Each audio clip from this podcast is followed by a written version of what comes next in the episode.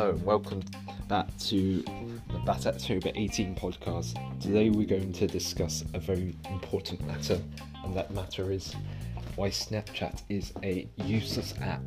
I was thinking about it today when I just had it installed, even though I barely use it. I mean, let's I mean to be honest, I never use it. I was just thinking to my head, you know, it's just like how has this the human race made an app so useless that there's just nothing rewarding to it? I mean, you know, it, you, you just I don't know. Basically, you don't get rewarded. I know that's a capitalist ideology, but you know, for an app that's mainly useless for its main thing called streaks. I mean, if you have a streak with a friend, it's nothing really. It's just pointless. I mean, it's it's like a thing that the communists made.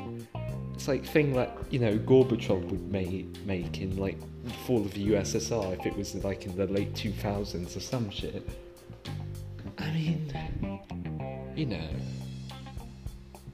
it's just meaningless. At least with like WhatsApp or something like that, there's actually meaning to it because it's like a calling thing for your phone, and I suppose it's better because you can use it without like mobile data or SIM. So yeah, that's good.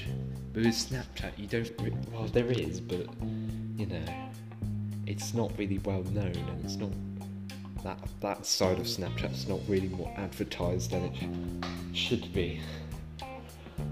So yeah, it's just a pointless app, I think. It's gonna be another quick podcast.